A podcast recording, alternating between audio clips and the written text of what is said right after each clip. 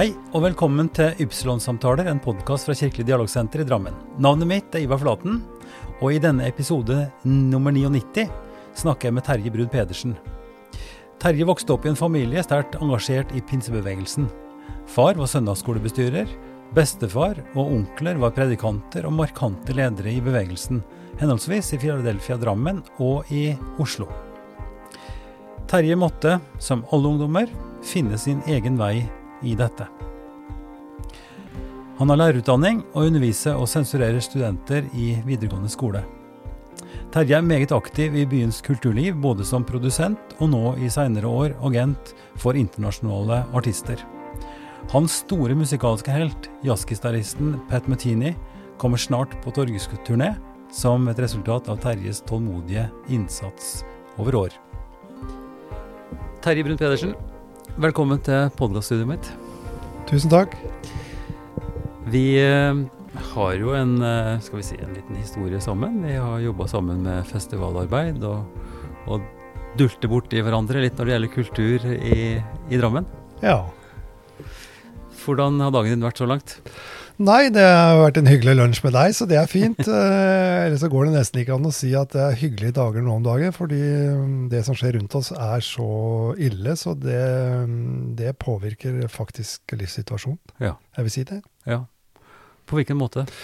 Nei, det er eh, veldig vanskelig og tøft å forholde seg til det som skjer i verden. Jeg er jo eh, samfunnsfaglærer og, og føler at jeg skal følge med i hva som skjer i samfunnet rundt meg, Mm. i verden. Ja.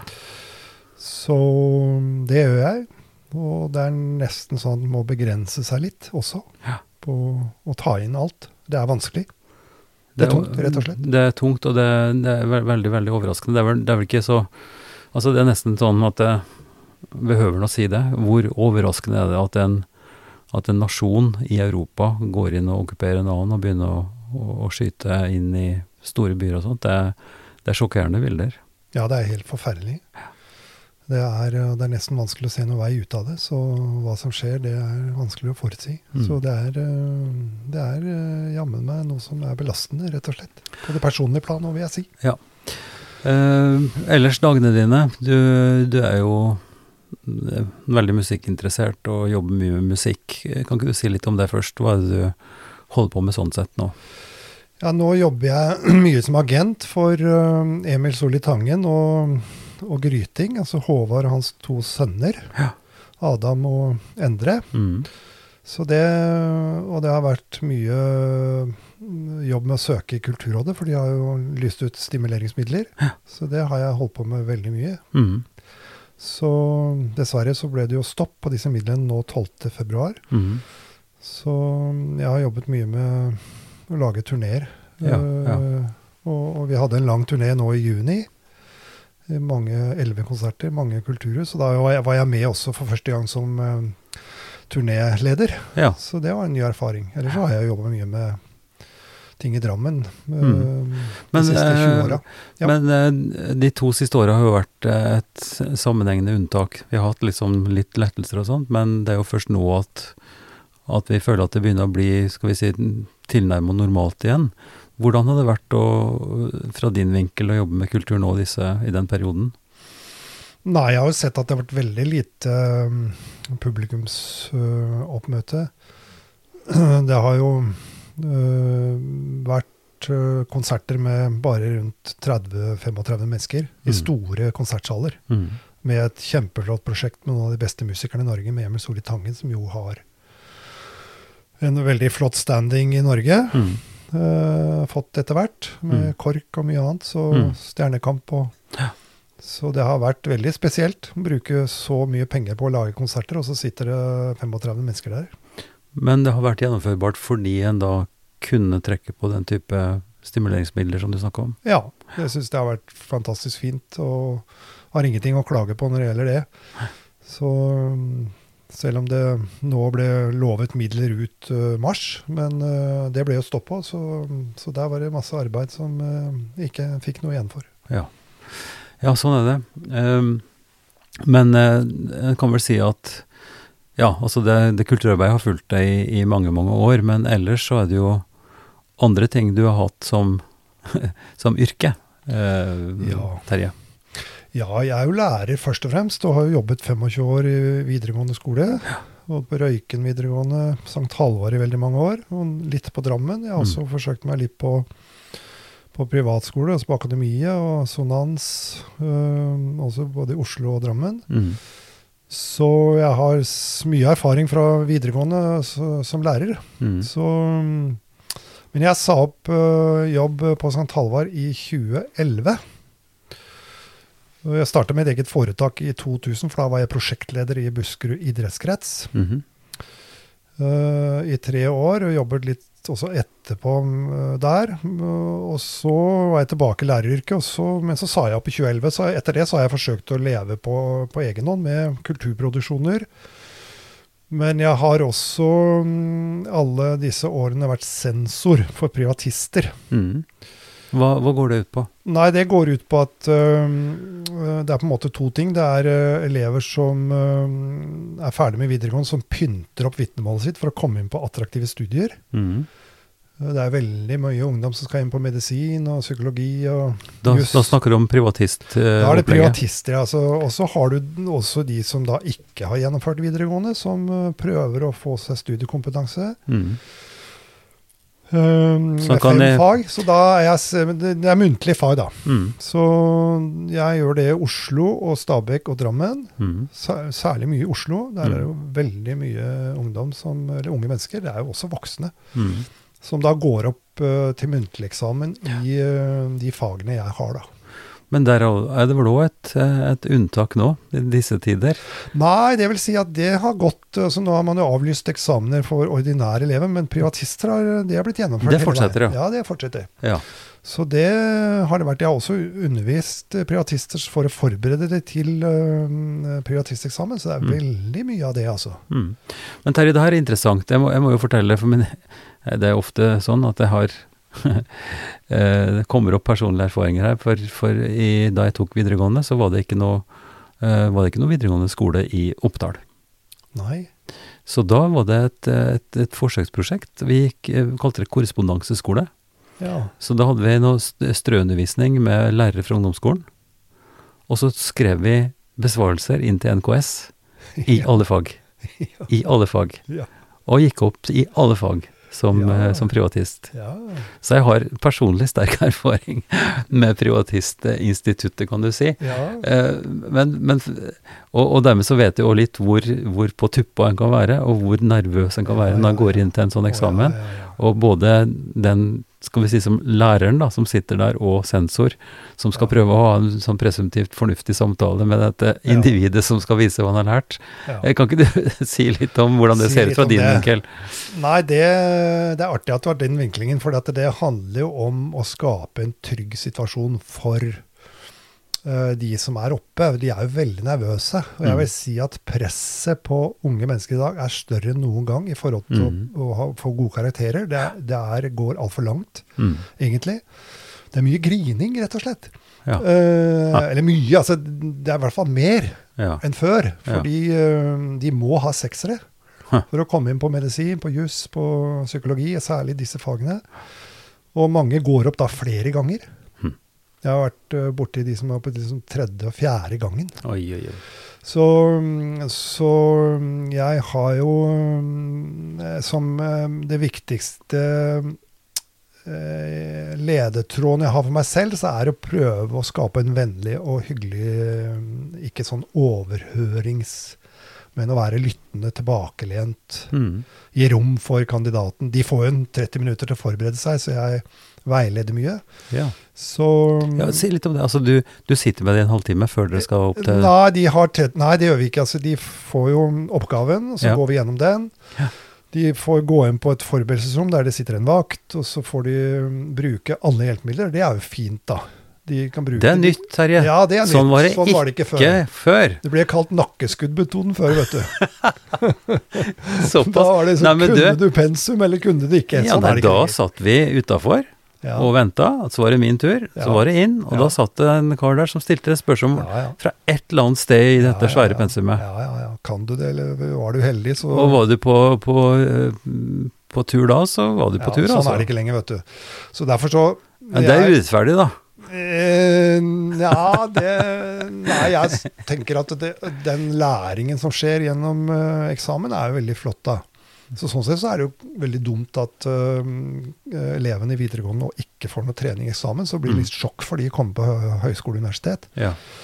For det er en veldig fin treningssituasjon i å Mm. forberede seg på et innlegg Mm. og formidle det med kort tid. Så jeg driver faktisk mye veiledning av kandidater som skal opp. Mm. Det har jeg gjort også sånn i undervisningssammenheng. Og det gjør jeg også med venner og kjentes barn og sånn, så det har jeg veldig god erfaring med. Men, men Terje, er det her et uttrykk for at vi har et annet kunnskapssyn nå? Eller en annen tilnærming til, til hva du skal gjøre når du skal gå på en skole?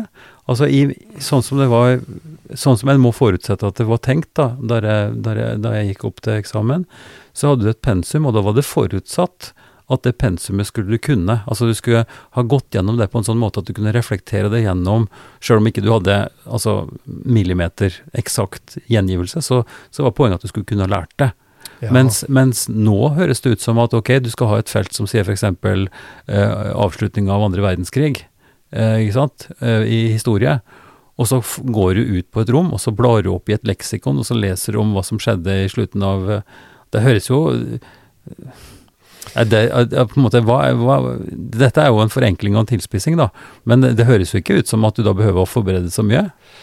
Nei, Det er jeg nok ikke enig i, altså, fordi um, disse læreplanmålene Nå, nå er det kommer jo nye læreplanmål i alle fag som er i ferd med å føre, innføres, og de er jo blitt øh, halvert nærmest, i hvert fall de fleste fag. Mm. Og det betyr at de dekker mye større områder, sånn at du forventer at du har større bredde i kunnskapen din og kan bringe inn eh, altså det, det er veldig sjelden vi gir et spørsmål om kan du snakke om avslutning av annen verdenskrig. Eh, Det er nok mye, mye større, så, så det krever oversikt. Mm. Og, Hva vil et, et, et typisk spørsmål være da, hvis du skulle bevege deg i det området der? Nei, da vil jeg si eh, hvordan Hvordan kan du beskrive det demokratiske utviklingen av Norge fra 1814 og framover, f.eks.? Ja, det er relativt omfattende. Ja, så da må du gjøre valg. Mm. Eh, hvordan, eh, hva slags ideologier eh, hadde betydning for eh, første og andre verdenskrig? Mm. Litt større, Mm. større ting. Så, Ja, ja. så det krever jo selvfølgelig en helt annen eh, modning og mm, oversikt, da. Ja, og, og mer refleksjon. Altså at Ja. du har faktisk tenkt litt gjennom det. Ja. Det er ikke sånn apekattaktig, kan si bare noen navn og datoer, liksom. Nei, altså det, det er jo det vi kaller reproduksjon, da. Så Mm. det Så, Er dette, så det, det, det syns jeg er bra. er dette noe av altså et kunnskapssyn eller læringssyn som, eh, som er gjennomgående i, i vår del av verden? Ja, Det er et stort spørsmål. det var et stort spørsmål. Ja. Eh, Det vet ikke om jeg kan svare noe særlig godt på, men det har jo skjedd en endring der i skoleverket. Mm. Det har vel noe med at tilgangen til informasjon er så voldsom i dag. Mm. Så, mm, så det å håndtere den på en god måte, det er viktig at elever lærer, da. Ja. Så vi, det vil jeg si at eh, prosjektarbeid, eh, framføringer i skoleverket har blitt mye mer av. Mm. Så jeg liker det. Så jeg syns um, det er en flott ting. Men jeg, men jeg er veldig opptatt av altså Nå er jeg veldig mye samfunnsfag. Mm. Og jeg er veldig opptatt av at um, de kandidatene som er oppe, følger med. Da. Altså det, det, noe av den viktigste erfaringen jeg har med å, å høre så Altså jeg har holdt på med dette i 20 år. Mm. Uh, det er at jeg blir veldig overraska over hvordan allmenn kunnskap, f.eks. om hvem som regjerer Norge, hvem som eh, styrer landet, faktisk, er det veldig mange som går gjennom samfunnet, som er flinke ungdommer, som ikke vet. Hmm. Hvordan er det mulig? I informasjonssamfunnet så kan du unngå den viktigste informasjonen som finnes. Og det er litt sånn uh, at de kan bli litt for lærebokorienterte, og det står jo ikke lærebok der hvem som er statsminister i Norge. Så det syns jeg, så jeg legger veldig vekt på det, at de skal være liksom uh, aktuelle og oppdatert på hva som skjer. da. Så det vil være en hoveddel av din eh, veiledning i forkant av eh, Ja, eksamen? det altså. vil nok være altså, Det er viktig, viktig, men det er også det hvordan du selvfølgelig forbereder deg før du skal opp til en eksamen, og hvordan du bruker den tida du, du har til rådighet, da, disse 30 minuttene du at, For der, der ser jeg jo veldig mye. Det er mye kaotisk, da. Men eh, la oss være helt, helt eh, aktuelle da, Terje. Eh, hvis du skulle formulere nå, gitt at du har noen eh, Nå er sikkert de oppgavene allerede formulert, for alt jeg vet, men, men om du skulle gi en, eh, en oppgave i samtidshistorie eh, som var helt presis på den kaotiske situasjonen vi ser i Europa nå, hva kunne et sånt spørsmål være? Altså som ga meg som, eh, som kandidat mulighet til å reflektere rundt eh, spenninga nå, og krigen i Ukraina, eh, Nato, eh, Russland. Mm. For dette er ganske komplekst, men, Ja, også, men også har røtter tilbake til Krim, ikke sant, annekteringa osv. osv. Hvor mye forventer en av en eh, kandidat, eh, eventuelt en voksen kandidat, i, i samtidshistorie? Jeg vet ikke om det er et fag engang som heter samtidshistorie, men det er sikkert det. Nei, det har vi vel ikke. Det er ikke noe fag som heter det. Nei, jeg vil jo kanskje si hva var FNs rolle i den eh, konflikten som eh, vi ser utspiller seg?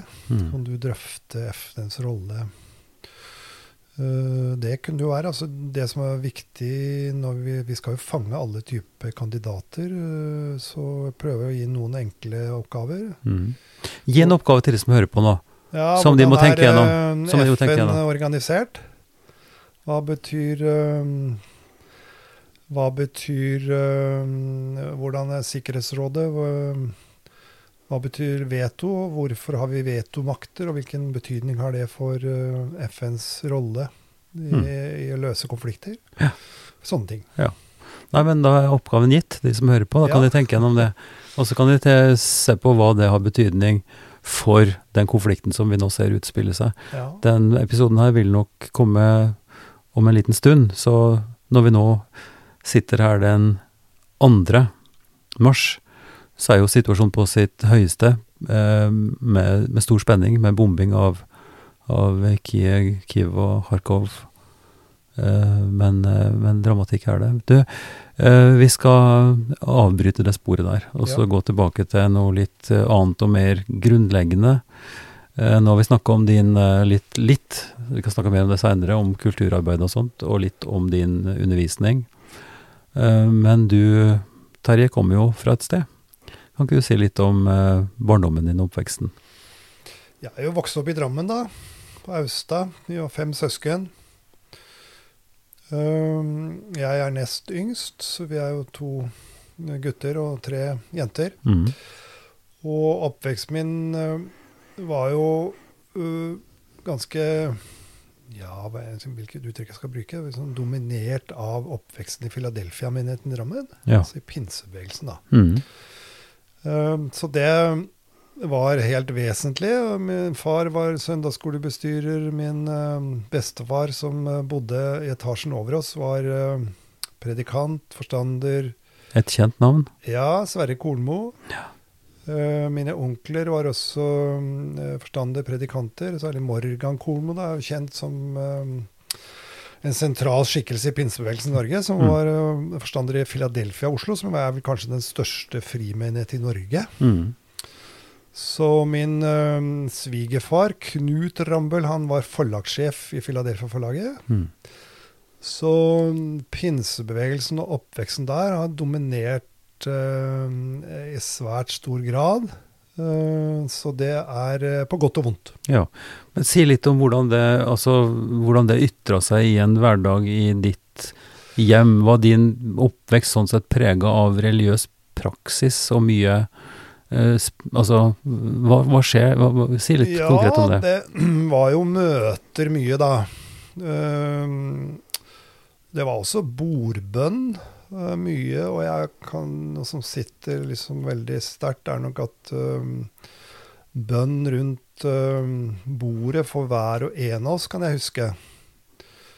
Så det var sterkt og, og vakkert, At, det, ja, at dere ble bedt for? Ja. Ja. ja mm. Altså Det var det. Og så var det selvfølgelig veldig mye møtevirksomhet. Altså onsdagsmøte, søndag var det jo søndagsskole. Min far var jo da søndagsskolebestyrer. Så var det formiddagsmøte, så var det vekkelsesmøte på kvelden. Eh, Så det var jo fast i min eh, oppvekst i alle, alle år. Så det er jo ikke tall på hvor mye møter jeg har vært på. Så det var massiv påvirkning sånn. Og på, på sommerferien så var vi jo alltid på på, på, på leire på mm, eh, fest, altså Det heter vel ikke festival, men på, på Stevner og Stevner, ja. Stevner, Ja, ja, altså ja. Vi, både på Hedmarktoppen, som var pinsevennenes sted, og på, i Saronsdal. Vi var veldig tidlig i Saronsdal. Arild Edvardsen sitt eh, eh, mektige eh, virke der, med Ja. mange tusen mennesker. Ja. Eh, Det er jo litt sånn kunnskapsformidling vi driver med her òg, i denne podkasten. Og for folk som er ukjent med møter og formiddagsmøter og vekkelsesmøter, kan ikke du gi et sånt lite ekskurs på hvor, hvordan, eller hvordan du ser Altså hvordan du opplevde det, det er én ting da, men hvordan du ser på det. Hva, hva var det som hva, hva er dette for noe? Bare forklar det. Altså, jeg vil si altså um, Søndagsskole er jo tradisjonelt flanolografen, har de fleste hørt om. Og, Bibelfortellinger. Bibelfortellinger altså, Ja. Som var jo flott og hyggelig og spennende og morsomt å lære og- og- alle bibelhistorier. Så var det formiddagsmøte. Og, og, og sånn- sanger, altså Ja, ja. barnesanger. sanger. Eh, Altså, min båt er så liten, Ja, ja. og altså disse Ja, Ja, ja, mm, mm, ja. ja. Mm. eh, hør hvor det stormer der ute. Det er liksom det, den vi alltid har tøysa med. vet du. Her er det fredfullt og trygt. I, i, i barne...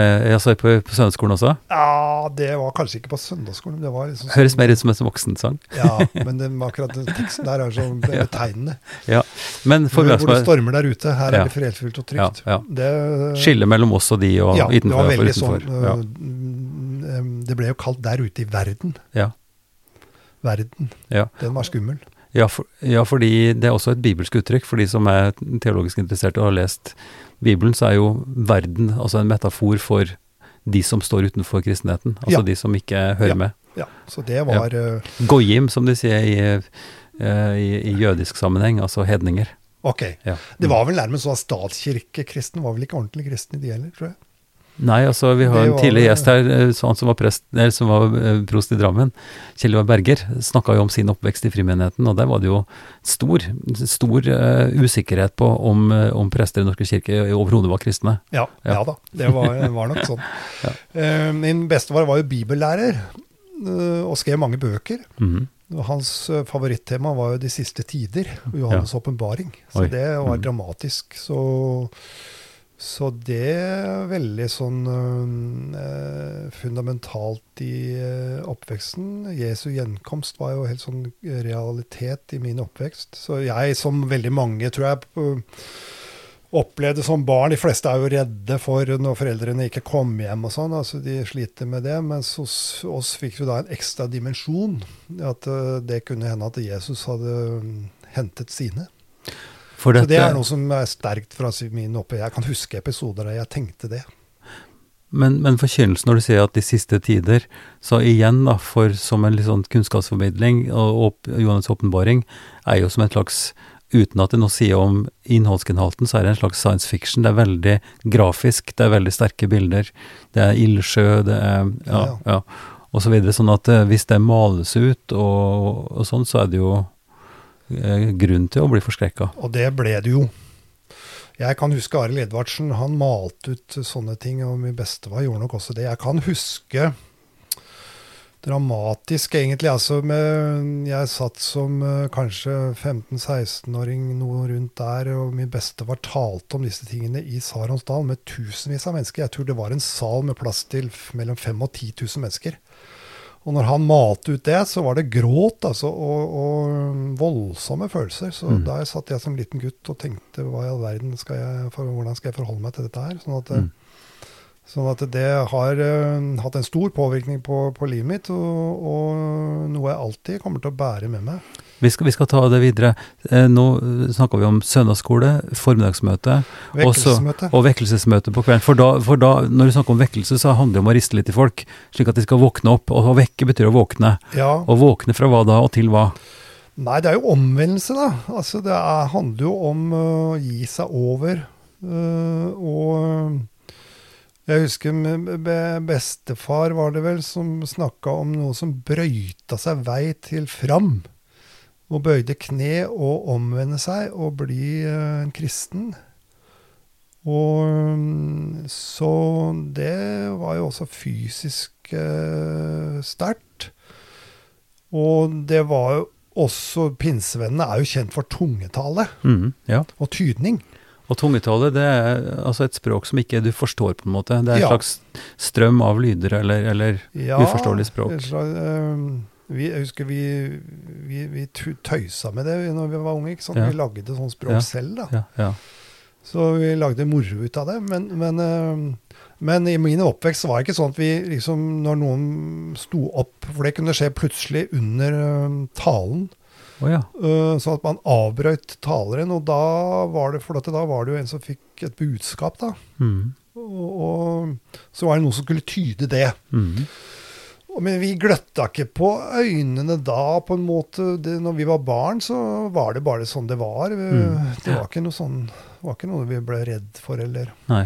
Nei. Nei. så, Men vi ja, prøve å forholde seg til som voksen, hva dette er for noe? Men, men, øh, men som barn så var det bare en del av sånn, Ja. det, som det Ja. skulle være. Mm. Men de vekkelsesmøtene som da skapte sterke følelser, og, og hvor det kunne komme direkte profetiske eller andre budskap gjennom Ja. tungetale, eller også i klartekst. Men, det, men for at tungetalen skal ha verdi sånn sett i forsamlinga, så, så står det i Skriften at da skal den også eh, forklares eller tydes. Ja. Eh, sånn at ikke det blir bare oppstyr og, og sånn, men det skal ha en eller annen mening. ja. Eh, Og derfor så har jo den vekt når en oppfatter at dette er rett og slett et, et budskap fra Hellig Ånd eller fra, fra Gud.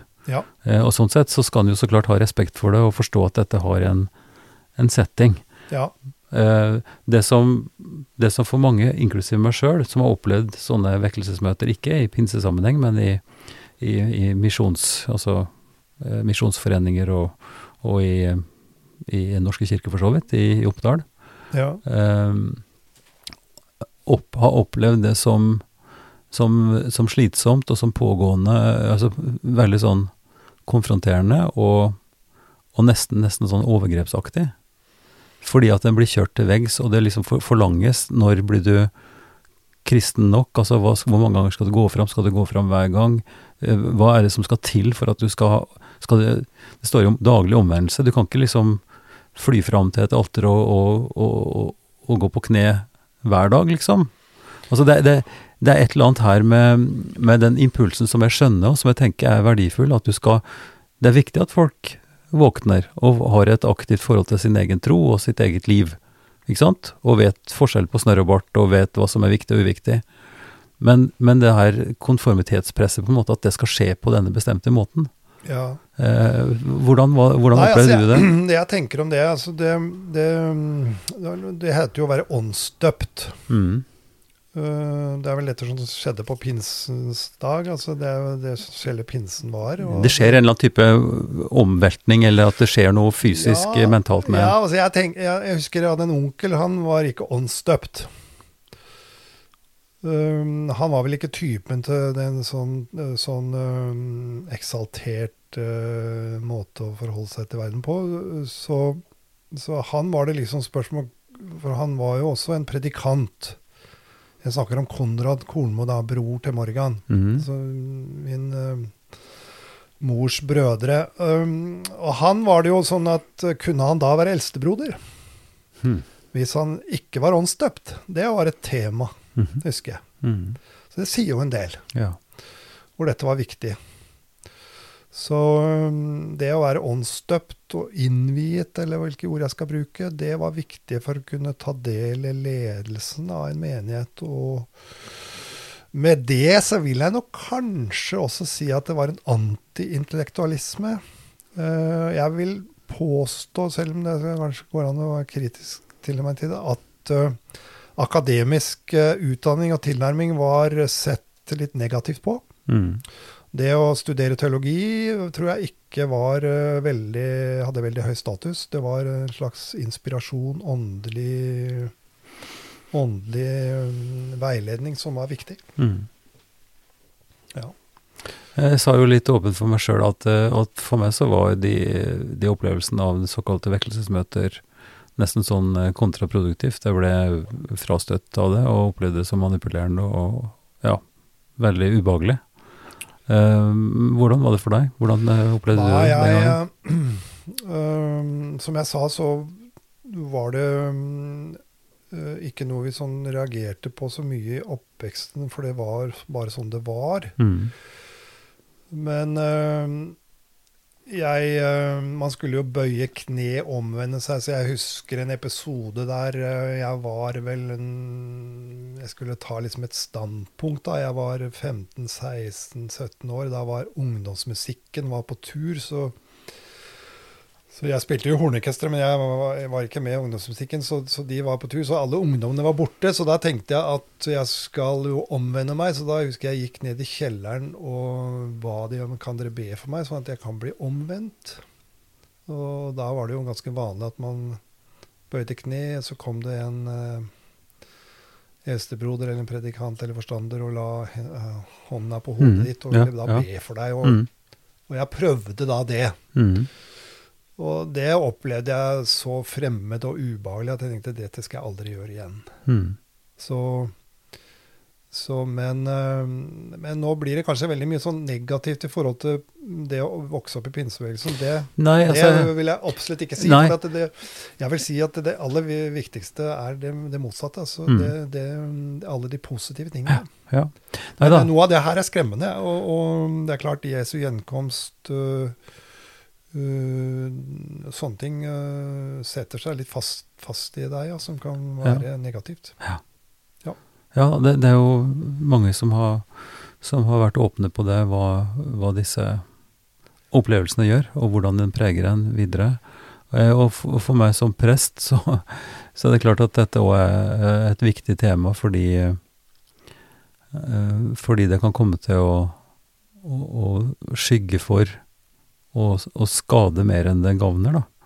Altså hvis en tenker, hvis en tenker på at uh, altså Jesu forbilde og, og, den ekstreme åpenheten han hadde for alle slags folk, uh, det sentrale med, med, med, tilgivelsen, med å starte på nytt, det å ta folk på alvor, uh, og i veldig liten grad altså konformitet. Nå er jo, Jeg kan si at, at det kan beskyldes for å være vinkla også da, men, men at at den åpenheten og rausheten og, og evnen til å se stort på ting, eh, og, og kunne og, omvende seg, da blir mer en sånn fokusforandring, mer enn en sånn gjennomrystende personlighetsforandring, så er omvendelsen rett og slett at du snur det bort ifra det som det som er negativt, og som drar deg i feil retning, og snur det mot uh, fra mørke til lys, for, for, for, å si, bli den metaforen, eller, eller snu det mot det som er konstruktivt og byggende og, og, og, til fordel for andre, og ikke gå inn i en slags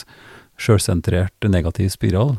Og det, og det, så omvendelsen har altså flere konnotasjoner, da, eller forskjellige tolkningsmuligheter, i tillegg til den der veldig innadvendte personlige eh, ånds dimensjon der du skal liksom oppleve noe, eller bli en annen inni deg, eller et eller annet sånt noe. Så altså, hele det spekteret er viktig å snakke om, tenker jeg, fordi at en ofte, med folk som har litt avstand, har opplevd ting eh, som, som, som vanskelige, og så sitter med det bildet at her blir du trengt opp i et hjørne og skal fikse noe på det sjøl. Altså at det er noe som er fremmed, og, og som ikke bør være det, da. Ja. Nei, det jeg, det jeg også kan fortelle altså jeg, øh, Da jeg var jeg var vel Etter at jeg hadde tatt noe utdanning, så fikk jeg jobb på Blå Kors, altså Bragernes behandlingssenter mm. for rusmisbrukere. Så jeg jobbet der i fire år ja. som kurator. Og det var etter at jeg hadde tatt idrettsutdanning på idrettshøgskolen. Mm. Og det var jo spennende. Det var liksom litt nybrottsarbeid. Jeg hadde en uh, halv stilling på det, og en halv stilling på å være kurator. Mm. Og det var voksenopplæring, altså. Det, det det var utrolig, egentlig. Altså, jeg, jeg fikk eh, også ansvar for familiesamtaler og innkomstsamtaler. Med, vi hadde en avdeling der det var eh, tre måneders behandling for rusmisbrukere. Ja. Og hva har det med det vi snakket om å gjøre? Altså, det jeg også har jo sett gjennom det arbeidet der, var jo at eh, en del rusmisbrukere altså, snakker om å omvende seg. altså så har jo det vært Eh, den, eh, det har jo vært redninger for mange som mm. har vært uh, på skråplanet og hatt mm. store rusproblemer. Så det så jeg jo. Ja. Så det er en fin side ved, ved, det for mange, tror jeg, som mm. kan være en styrke og, og, hjelp til å komme seg ut av det. For det er jo, det er jo for i, alle, i, i hver forstand en omvendelse fra det destruktive i misbruket og, og rusen og elendigheten, og så radikalt snu seg vekk fra det. Ja. Og ha feste i noe annet som gir en type motivasjon, da. Ja da, men jeg, så- jeg så også episoder der eh, du vet, det, det var rusmisbruk som skal liksom sånn 100% avhold, da, som jo mange måtte. Så, Uh, vi snakka jo om kontrollert drikking, ikke sant? men uh, her var det jo snakk om eh, totalavhold. Mm. Og så var det jo de, eh, Det var jo sprekk, da, vet du, hos Mm, noen. mm, mm. Og da kom det jo tilbake. Mm. Eh, For vi hadde jo en avrusningsavdeling. Og da var det jo noen som kom da med et Nytestamentet på innerlomma, og de gråt, da. Mm. For de hadde jo svikta Mm. uh, veldig. Ja. Så jeg er jo blitt kristen, og likevel så sprekker jeg. Og, og se her, jeg har Nytestamentet på innerlomma. Mm. Så det var jo en annen side ved det. Men, Mm. men, uh, men for mange så kan jo det være en fin ting også. Men jeg har litt lyst til å si, vi først snakker om Philadelphia, og Mm. det er veldig lett Ja. å henge seg opp i alt det negative. Ja. Det positive, hva, hva er det? Jo, det er jo et Altså, øh, jeg tenker tilhørighet, fellesskap, samhold, Mm. eh, kameratskap, turer, eh, vennlige mennesker. Av, eh, Ja. Alt det her. altså Ja. Jeg kan snakke lenge om det, og Ja. fantastisk mye fint. Ja. Og det gjør det jo også at det har vært vanskelig å bryte med det. Mm. Det tror jeg mange opplever. Mm. Det er vanskelig å bryte med det. Fordi det er så mange positive ting. Så det Men har hvorfor- vært en hvor- ja. jobb, uh, egentlig, å forholde seg til hvordan skal du altså til, Jeg tenker det med tilhørighet altså, er så grunnleggende for oss mennesker. Ja. ja. Men når du sier bryte, uh, så blir det et brudd som, som blir smertefullt fordi at du må, må bryte med folka også, eller bare som hva er grunnen til at dette er vanskelig, tenker du? Ja, altså, helt sånn konkret så var det Jeg spilte jo Philadelphia Hornorkester, som de fleste i Drammen kjenner. eh, Ja. Disse grønne uniformene de går Mm. på 17. mai. Kjempefint band. Kjempefint og Ja. fantastisk morsomt. Jeg husker jeg spilte, mm, jeg spilte tuba der. Ja, og gikk i 17. mai-tog. Jeg var 17-18 år. Og så begynte jo da, som de fleste 17-18-åringer, å feste litt og ut og Mhm. røyke. Og vi Ja. Liksom hadde dårlig samvittighet da, for det, da. Mm. Det rimte jo dårlig med Jeg husker en gang så sto vi på Braines torg, og så uh, spilte, da. Vi Mm. hadde møte på torget, husker jeg, og da Mm. sto jeg og spilte, og så kom kameratene mine og sa, sa til meg at neste gang skal vi ta og helle øl oppi i uh, instrumentet ditt. Du skulle tulla med meg, ikke sant. ja, ja. Og så var det liksom sånn den uh, Altså husker jeg jeg gikk da og sa nei, jeg har ikke samvittighet til å være med her lenger. Og ja, fikk jeg et eget møte med dirigenten som da prøvde å overbevise nei, du må fortsette. Nei, jeg hadde ikke samvittighet til det. For jeg, jeg var vel en følsom gutt som liksom følte på det at nei, nå var jeg liksom Gjorde ting som ikke rimte med å kunne være med i den menigheten. Aha. Så ble det Da slutta jeg der. Du, som en Da, slags, det var helt, det var liksom det, da var jeg 17 år, tenker jeg. for at du, du nådde ikke helt opp til dine egne forventninger Nei, jeg følte at liksom jeg kunne ikke Det, det var forventninger jeg ganske på, på sånne områder som ikke sant, med festing og litt, Det var ikke noe sånn veldig utagerende, det var ikke det. Men, men, øh, men jeg følte at det, det rimte ikke med det jeg Nei. hadde som liksom moralsk rettesnor, da. Nei. Så da var det brudd. Ja. Men jeg har jo masse venner enda som uh, er i Philadelphia. Kona mi er med i syforening, for med samme Ja, jentegjengen. og ja. Mm. og sånn, men, uh, men uh, jeg, når jeg ser disse karismatiske, eh, ytterliggående menigheter og bevegelser i dag, så reagerer jeg veldig kraftig på det, altså, Mm. må jeg si. Mm. Må jeg si. Ok, nei, men uh, la oss nå La oss ta det som en sånn understreking her, at dette er fine folk, at det er et godt mulig at det er veldig mye positivt å si, men at det også er problematiske sider som du også har opplevd på kroppen, og, og kan vel si også at, uh, at broren din har jo også blitt veldig synlig i, i, i offentligheten, nettopp i en type motstand eller kritikk Ja. eh, gjennom Humanitisk Forbund. Ja. Eh, men eh, la oss eh, nå, Terje, gå tilbake igjen til det som har brakt oss sammen, først og fremst, som, eh, som er kulturarbeid. Og du, du har jo ytra deg mye og, og har jobba med mange ganske store prosjekter her i, i byen, og du fortalte nå ikke sant, at du, du jobber med et eget firma hvor du, hvor du legger til rette for kulturopplevelser og, og sånt. Og nå i det siste så, så har du eh, kanskje først og fremst uh, satsa på en type agentarbeid. Kan ikke du Ja. si litt om, eh, om hva det innebærer, og hva slags kontakter du har? For det er ganske spennende, syns jeg. Ja, jeg mm, har jo altså Som ung eh, gutt så startet vi en sånn plateklubb, husker jeg, i gata da vi gikk på ungdomsskolen. Mhm. Der vi mm, kjøpte inn plater, og så delte vi de og tok de opp på kassett. Ja. Og så var Piratkopiering, altså. Hva? Piratkopiering, altså. ja, ja. Og sånn starta musikkinteressen.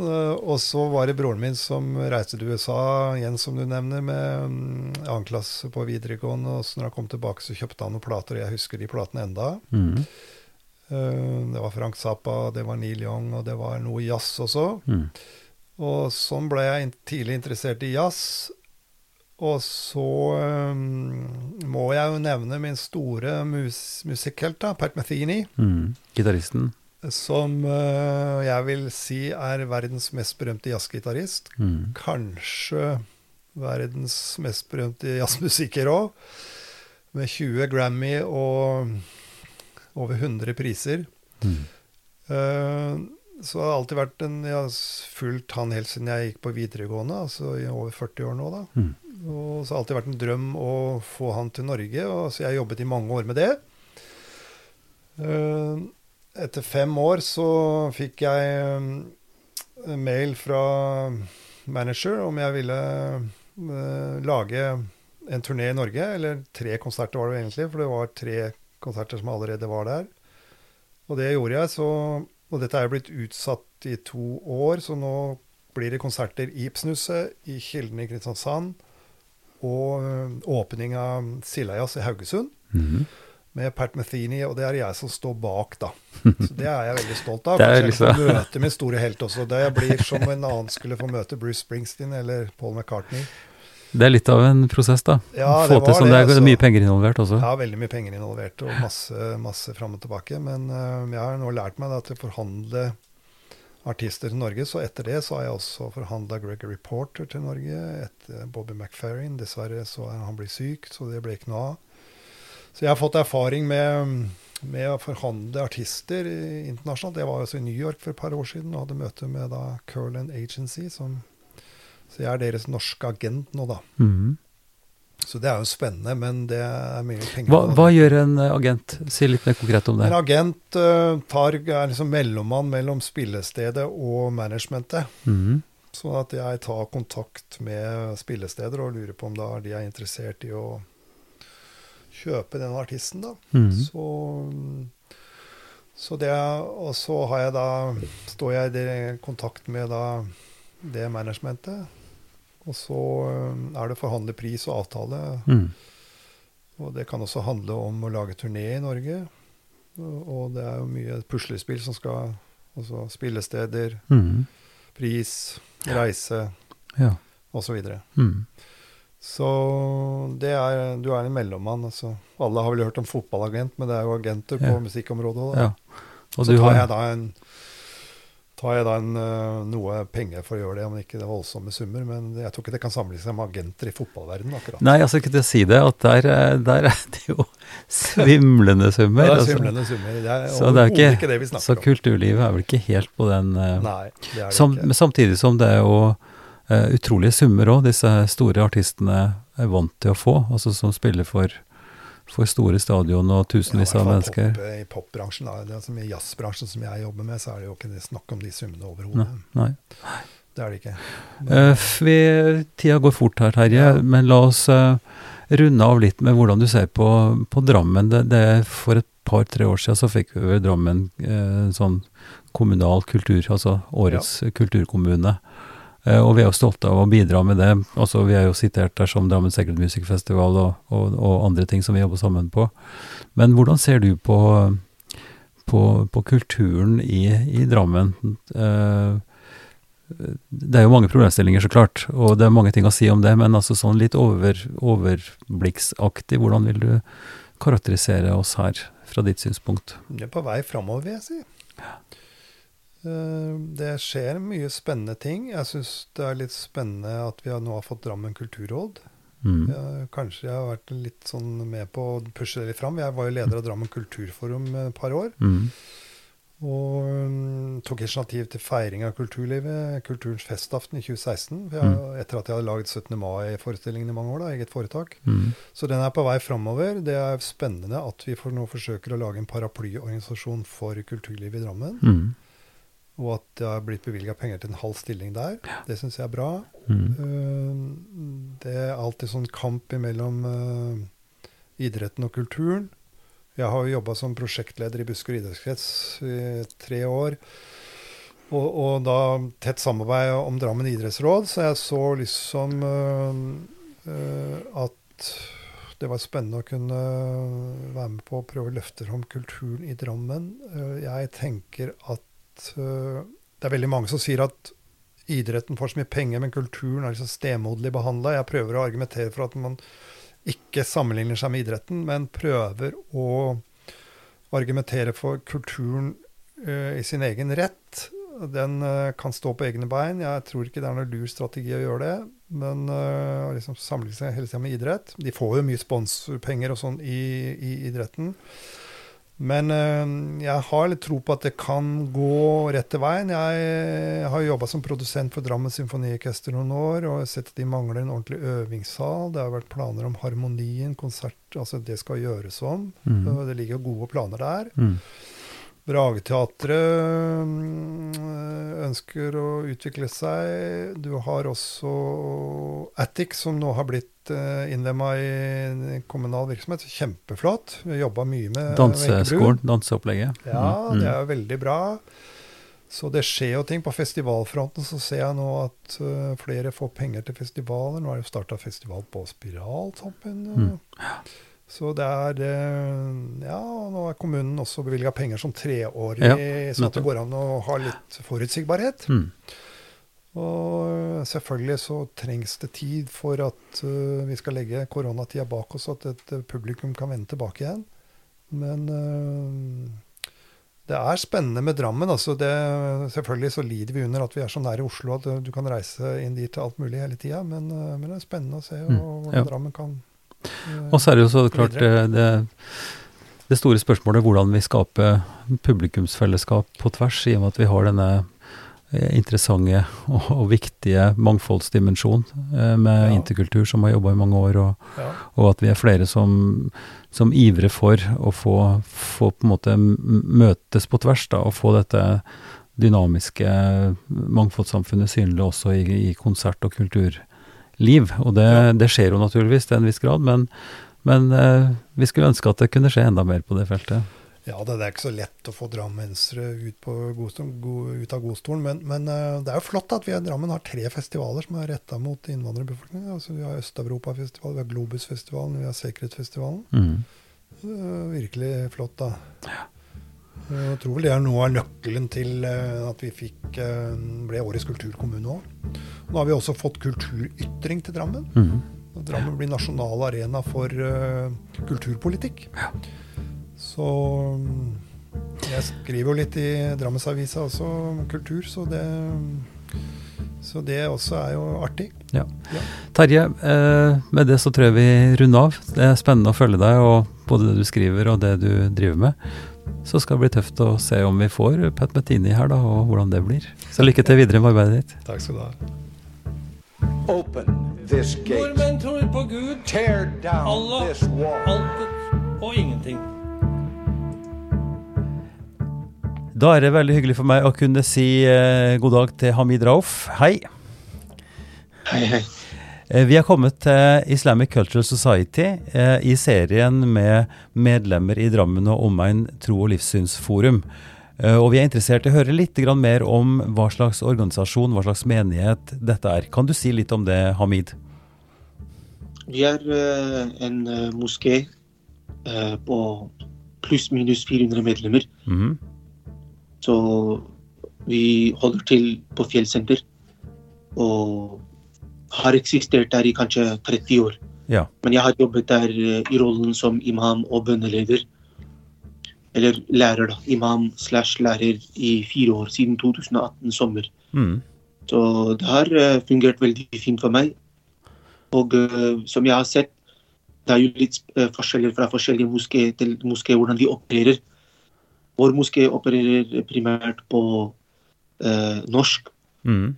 Som hovedspråk. Mm. Og så har vi publikum, vår, vår publikum er, eh, er, består ikke bare av eh, eh, pakistanere eller etnisk pakistanere, men vi har bredde i nasjonaliteten. Mm. Så vi har alt fra bosnere til noen tsjetsjenere fra Nord-Afrika, eller generelt eh, Afrika og Afghanistan, Mm. Pakistan, Bangladesh. Så eh, det, er, det er en eh, positiv ting med vår moské. Ja. Eh, Så har vi jo selvfølgelig kanskje på noen felt og områder vi ikke er så veldig sterke. eh, Med tanke på sånn samfunnsarbeid og sånne ting, noe som vi også skulle ha hatt. Mm. Men med tanke på størrelsen vår, og med tanke på at jeg er den eneste ansatte, så, jeg, så, så driver vi også med barneundervisning Ja, i ja. hverdagen. Ja. Um, det, det har jo pågått i alle, alle årene uansett, men at eh, vi, jeg har klart å bare drifte det litt videre. Ja. Sånn at vi tilbyr dagligdagsundervisning dagligdags undervisning fra mandag til fredag. Og de fem daglige bønnene, og så eh, no, noe ungdomsarbeid har vi også. Ja. Si, si Eh. litt om hvordan du jobber med undervisning, for nå har det jo vært koronaperiode, eh, Mm. men, men du har klart å gjennomføre eh, koranundervisning. Og, og er det da først og fremst koranundervisning, eller også andre ting dere underviser? Vi har eh, sånn vanlig vanlige profeters historie, sånn Ja. eh, eh, his, historie om profeter fra Adam til Noah til eh, Jakob, Yusuf, Ja. Jesus. Mm.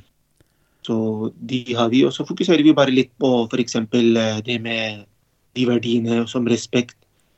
Eh, også f.eks. om eh, eh, de eh, etikettene, f.eks. Eh, eh, dagligdags eh, gjøremål i livet som en muslim. Mm.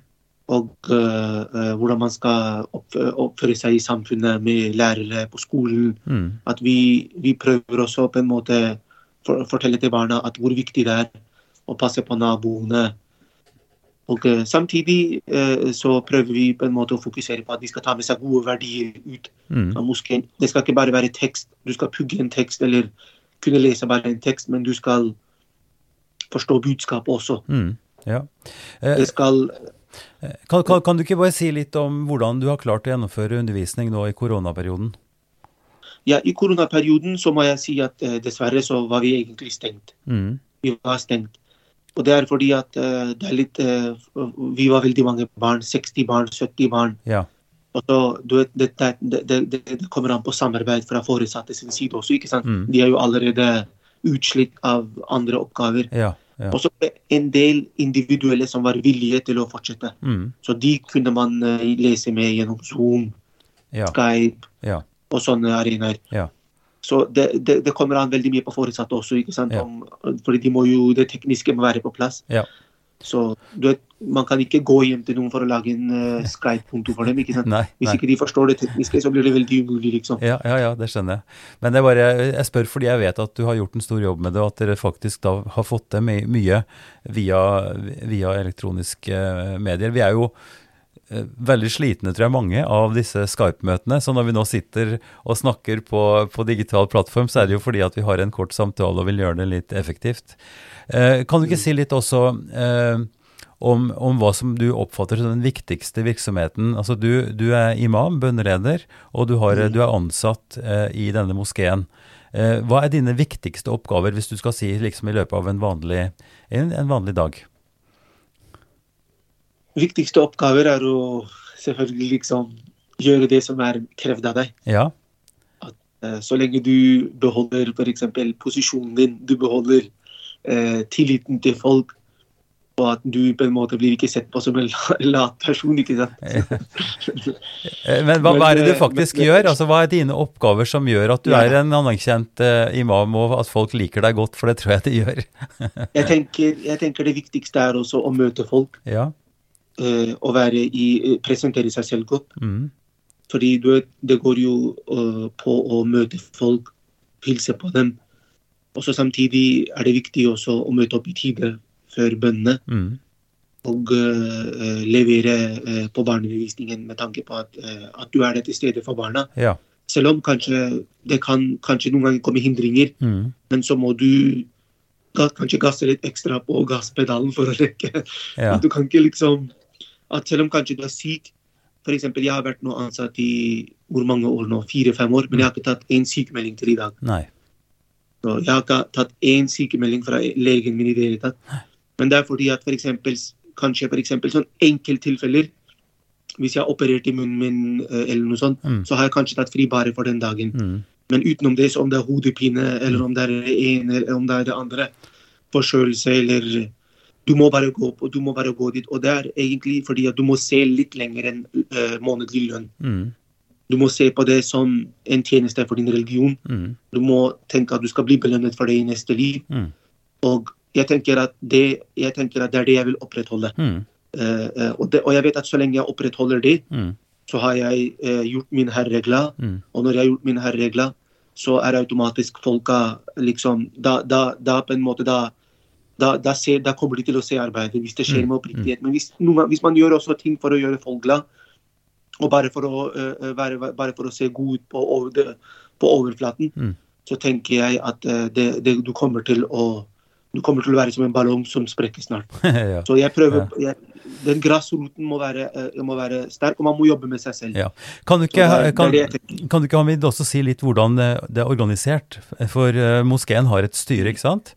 Eh, Et, et Mm. moskéstyre. Hvordan er forholdet mellom styret og deg i eh, For det er ikke sikkert folk vet. Det er veldig greit. Eh, Det er, det er sånn at Det er ikke sånn hver dag vi trenger å diskutere ting. Nei? eller sånne ting. Men det er sånn eh, de, tar, de tar seg av det administrative. Alle de jobber på frivillig basis. Mm. Av eh, husleie, eller om det er eh, noen som helst regninger som må betales. Mm. Og, så det, det er dems, eh, det er dems eh, ansvar. Mm. Og jeg har bare sånn oppgaven i moskeen, lede bønn og ta meg av det religiøse. Mm. Og så er det, så er det eksempel et par ting som de kan konsultere meg Mm. Kanskje eksempel skal vi følge IRN-kalenderen. Er Ja. Akkurat som nå nylig det, ble skiftet på bønnetabeller. Ja. Så kom jeg med min innspill. ja. Jeg kom med min innspill. Eh, men det er ikke nødvendigvis at det er jeg som tok det, den siste beslutningen. Nei. Men min innspill er veldig viktig for dem. Ja. Og så er det f.eks. om eh, det er visse ting eh, som må annonseres. Ja. Så kanskje gjør jeg noen ganger annonseringen, Mm. men jeg må bekrefte med styret Ja. om skal jeg annonsere det eller skal jeg ikke annonsere det. Fordi det, det som er viktig, er at, at de må være orienterte. Ja. For de får til å stille dem til ansvar. Mm. Jeg blir ganske eh, sjelden stilt til ansvar for ting i moskeen. Og det er det som er det positive, at jeg er skjermet Mm. bak styret. Mm. Og de har full tillit til meg, og jeg har full tillit til dem. Så det er eh, eksempel eh, Vi har også en egen gruppe vi opererer sammen i WhatsApp-gruppe. om det er noe så kan vi bare slippe av en melding for svar Ja. innen kvelden. Ja, ja, nettopp. Fint. Og nå nærmer vi oss eh, den hellige fastemåneden, ramadan. Mm. Eh, Hva betyr det i praksis for ditt arbeid og for hvordan dere jobber i moskeen?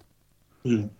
Eh, For, for oss i moskeen er det generelt kanskje mer oppmøte. Mm. Noen sånn tilfeldige personer kanskje bare kommer innom og, fra de eh, andre som de er vant til. Og så er det f.eks. kanskje litt mer stemning. Mm. Det blir, eh, det blir eh, Det blir på en måte for meg bare kanskje blir det litt mer memorisering av Koranen. Ja. Og da må jeg gå gjennom hele fra begynnelsen til slutt. kapittel for kapittel, og så lese det foran hele moskeen bak meg. Så det kan være kanskje litt krevende, med tanke på at nå så jeg, eh, for eksempel, som jeg sa, man må gjøre alt det man skal gjøre utenom, utenfor året også. Mm. Men man kan ikke ta fri. Jeg tenker Filosofien bak ramadan er ikke at du skal, du skal ta ferien din i ramadan, men at du, det skal liksom Derfor alle må jobbe, selv om hvor vanskelig jobben din er. Men da må du gå den ekstra meteren. Mm. Så det kan gå på søm for mange. Og det er mange andre som leder også samme type bønn som meg, men at de har lange bussvakter, Mm. eller f.eks. andre type vakter og sånne ting. Mm. Så kanskje eh, så men, men at eh, du må, du, må, du må gjøre ting i ramadan. eh, alt det du har holdt på med utenfor også. Mm. Kanskje redusere på noen områder. Ja.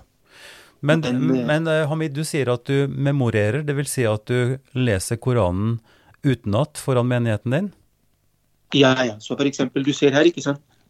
Ja, du, Så- du viser frem Koranen? Ja. Jeg skal lese, jeg skal lese en og en halv kapittel eh, eh, i dag. Ja. Det er 30, 30 ikke kapitler, kapitler er jo 114, men 30 deler. Jeg skal Ja. en halv del. ja. Eh, Så, vi, eh, ja. Men eh, så, så eh, en og en halv en, en og en halv side, eller det er ganske mye tekst som du da lærer, altså fra dag til dag, som du memorerer, og som du fremfører. Eh, og, Til sammen, dette her, vet du hvor mange sider dette her er? Til sammen er dette her 210 vers. ja. 210 vers. Mm. Så det vil si at for eksempel, nå tar jeg bare en porsjon, Mm. en side, en og en halv side, Mm, leser den, mm, leser den utenat til meg selv, Ja. sjekker om det er noen tekst ja. som ligner på andre steder, Ja. og så leser jeg de litt ekstra, så kobler jeg sammen en og en halv, en og en halv, helt til at det blir kanskje for eksempel åtte-ni sider, så leser jeg dem uten at Så bruker jeg andre metoder også. Mm, Etter jeg er ferdig med det, dette er to-tre timers arbeid, mm, så når jeg f.eks. er i bilen eller andre steder, så sørger jeg for å høre på en annen resitasjon ja. Fra, utenat fra YouTube Ja. eller noe sånt. Ja. At jeg hører den delen Mm, eh, eh, fra liksom YouTube eller en opptak, f.eks. Sånn at liksom Da har jeg lest den selv, lest den utenat, men også hørt på den også. Sånn at eh, det må skje ordentlig arbeid før du går foran. veldig interessant. Jeg tror vi er nødt til å ha en litt lengre samtale senere, Amid, hvor du kan forklare mer av dette for de som har lyst. Mm. Men uh, til slutt så vil jeg spørre, uh, siden dere er deltakere i Drammen Omegn tro- og livssynsforum i, i dialogarbeid, hva syns du er det viktige med å være med i en sånn dialogsammenheng? Jeg tenker at uh, Personlig så tenker jeg at eh, religion er jo hardt presset i dag i samfunnet. Mm, Med tanke på at alt som ikke har med religion å gjøre, er nøytralt.